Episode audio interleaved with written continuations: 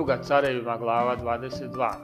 Osam godina beše Josiji kad poče carovati i carova 31 godinu u Jerusalimu, materi mu beše ime Jedida, kći Adajeva iz Voskata. On činjaše što je pravo pred gospodom i hođaše svim putem Davida, oca svog, i ne odstupaše ni nadesno ni nalevo. A 18. godine carovanja Josijinog, posla cara Safana, sina Azalije, sina Mesulamovog, pisara u dom gospodnji govoreći, idi ka Helki, poglavaru svešteničkom, neka izbroji novce donesene u dom gospodnji, što su nakupili od naroda vratari, i neka ih da poslenicima koji nadgledaju dom gospodnji, pa neka daju poslenicima koji rade oko doma gospodnjeg da se opravi što je trošno u domu drvodeljama i kamenarima i zidarima i da se kupuje drvo i kamen tesan i da se opravi dom, ali da im se ne traže računi od novaca koji im se dadu jer će verno raditi. Tada reče Helkija poglavar sveštenički safano pisaru, nađoh zakonik u domu gospodnjeg i Helkija dade knjigu Safanu i on je pročita. A Safan pisar otiде k carу i javi caru govoreći: Pokupiše sluge tvoje novce što se nađoše u domu, predaše ih poslanicima koji nadgledaju dom gospodnji. I kaza Safan pisar caru govoreći: Knjigu mi dade Helkija sveštenik i pročita je Safan caru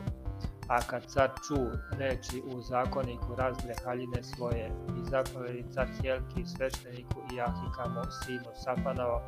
i Jahoru sinu Mihejevo i Safanu pisaru i Jastaji sluzi Care vam govoreći, idite, upitajte gospoda za me i za narod i za svega judu radi reči ove knjige što se nađe, jer je velik gnev gospodnji koji se raspalio na nas, zato što oci naši ne slušaše reči ove knjige da čine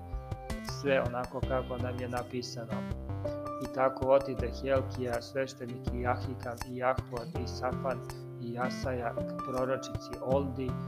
ženi Saluma, sina Tekuja, sina Arasa, rizničara, a ona stajaše u Jerusalimu u drugom kraju i govoraše s njom. A ona im reče, ovako veli gospod Bog Izraelju, kažite čoveku koji vas je poslao k meni, ovako veli gospod, evo, pustit ću zlo na to mesto i na stanovnike njegove, sve što govori knjiga koju je pročitao car Judin. Zato što me ostaviše i kadiše drugim bogovima, da bi me gnevili svim delima ruku svojih, zato se gnev moj raspalio na to mesto i neće se ugasiti, a caru Judinom koji vas je poslao da upitate gospoda ovako mu kažite, Ovako veli gospod Bog Izraelju za reči koje si čuo, što je umeknulo srce tvoje i ponizio se, si se pred e, gospodom kad si čuo šta sam govorio za to mesto, a za stanovnike njegove da će biti pustoš i prokletinja i što si razdro haljine svoje i plakao predamnom,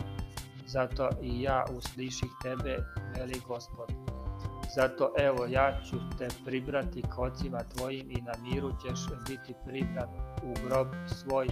i nećeš očima svojim videti zlo koje ću pustiti na to mesto i kazaše to caru.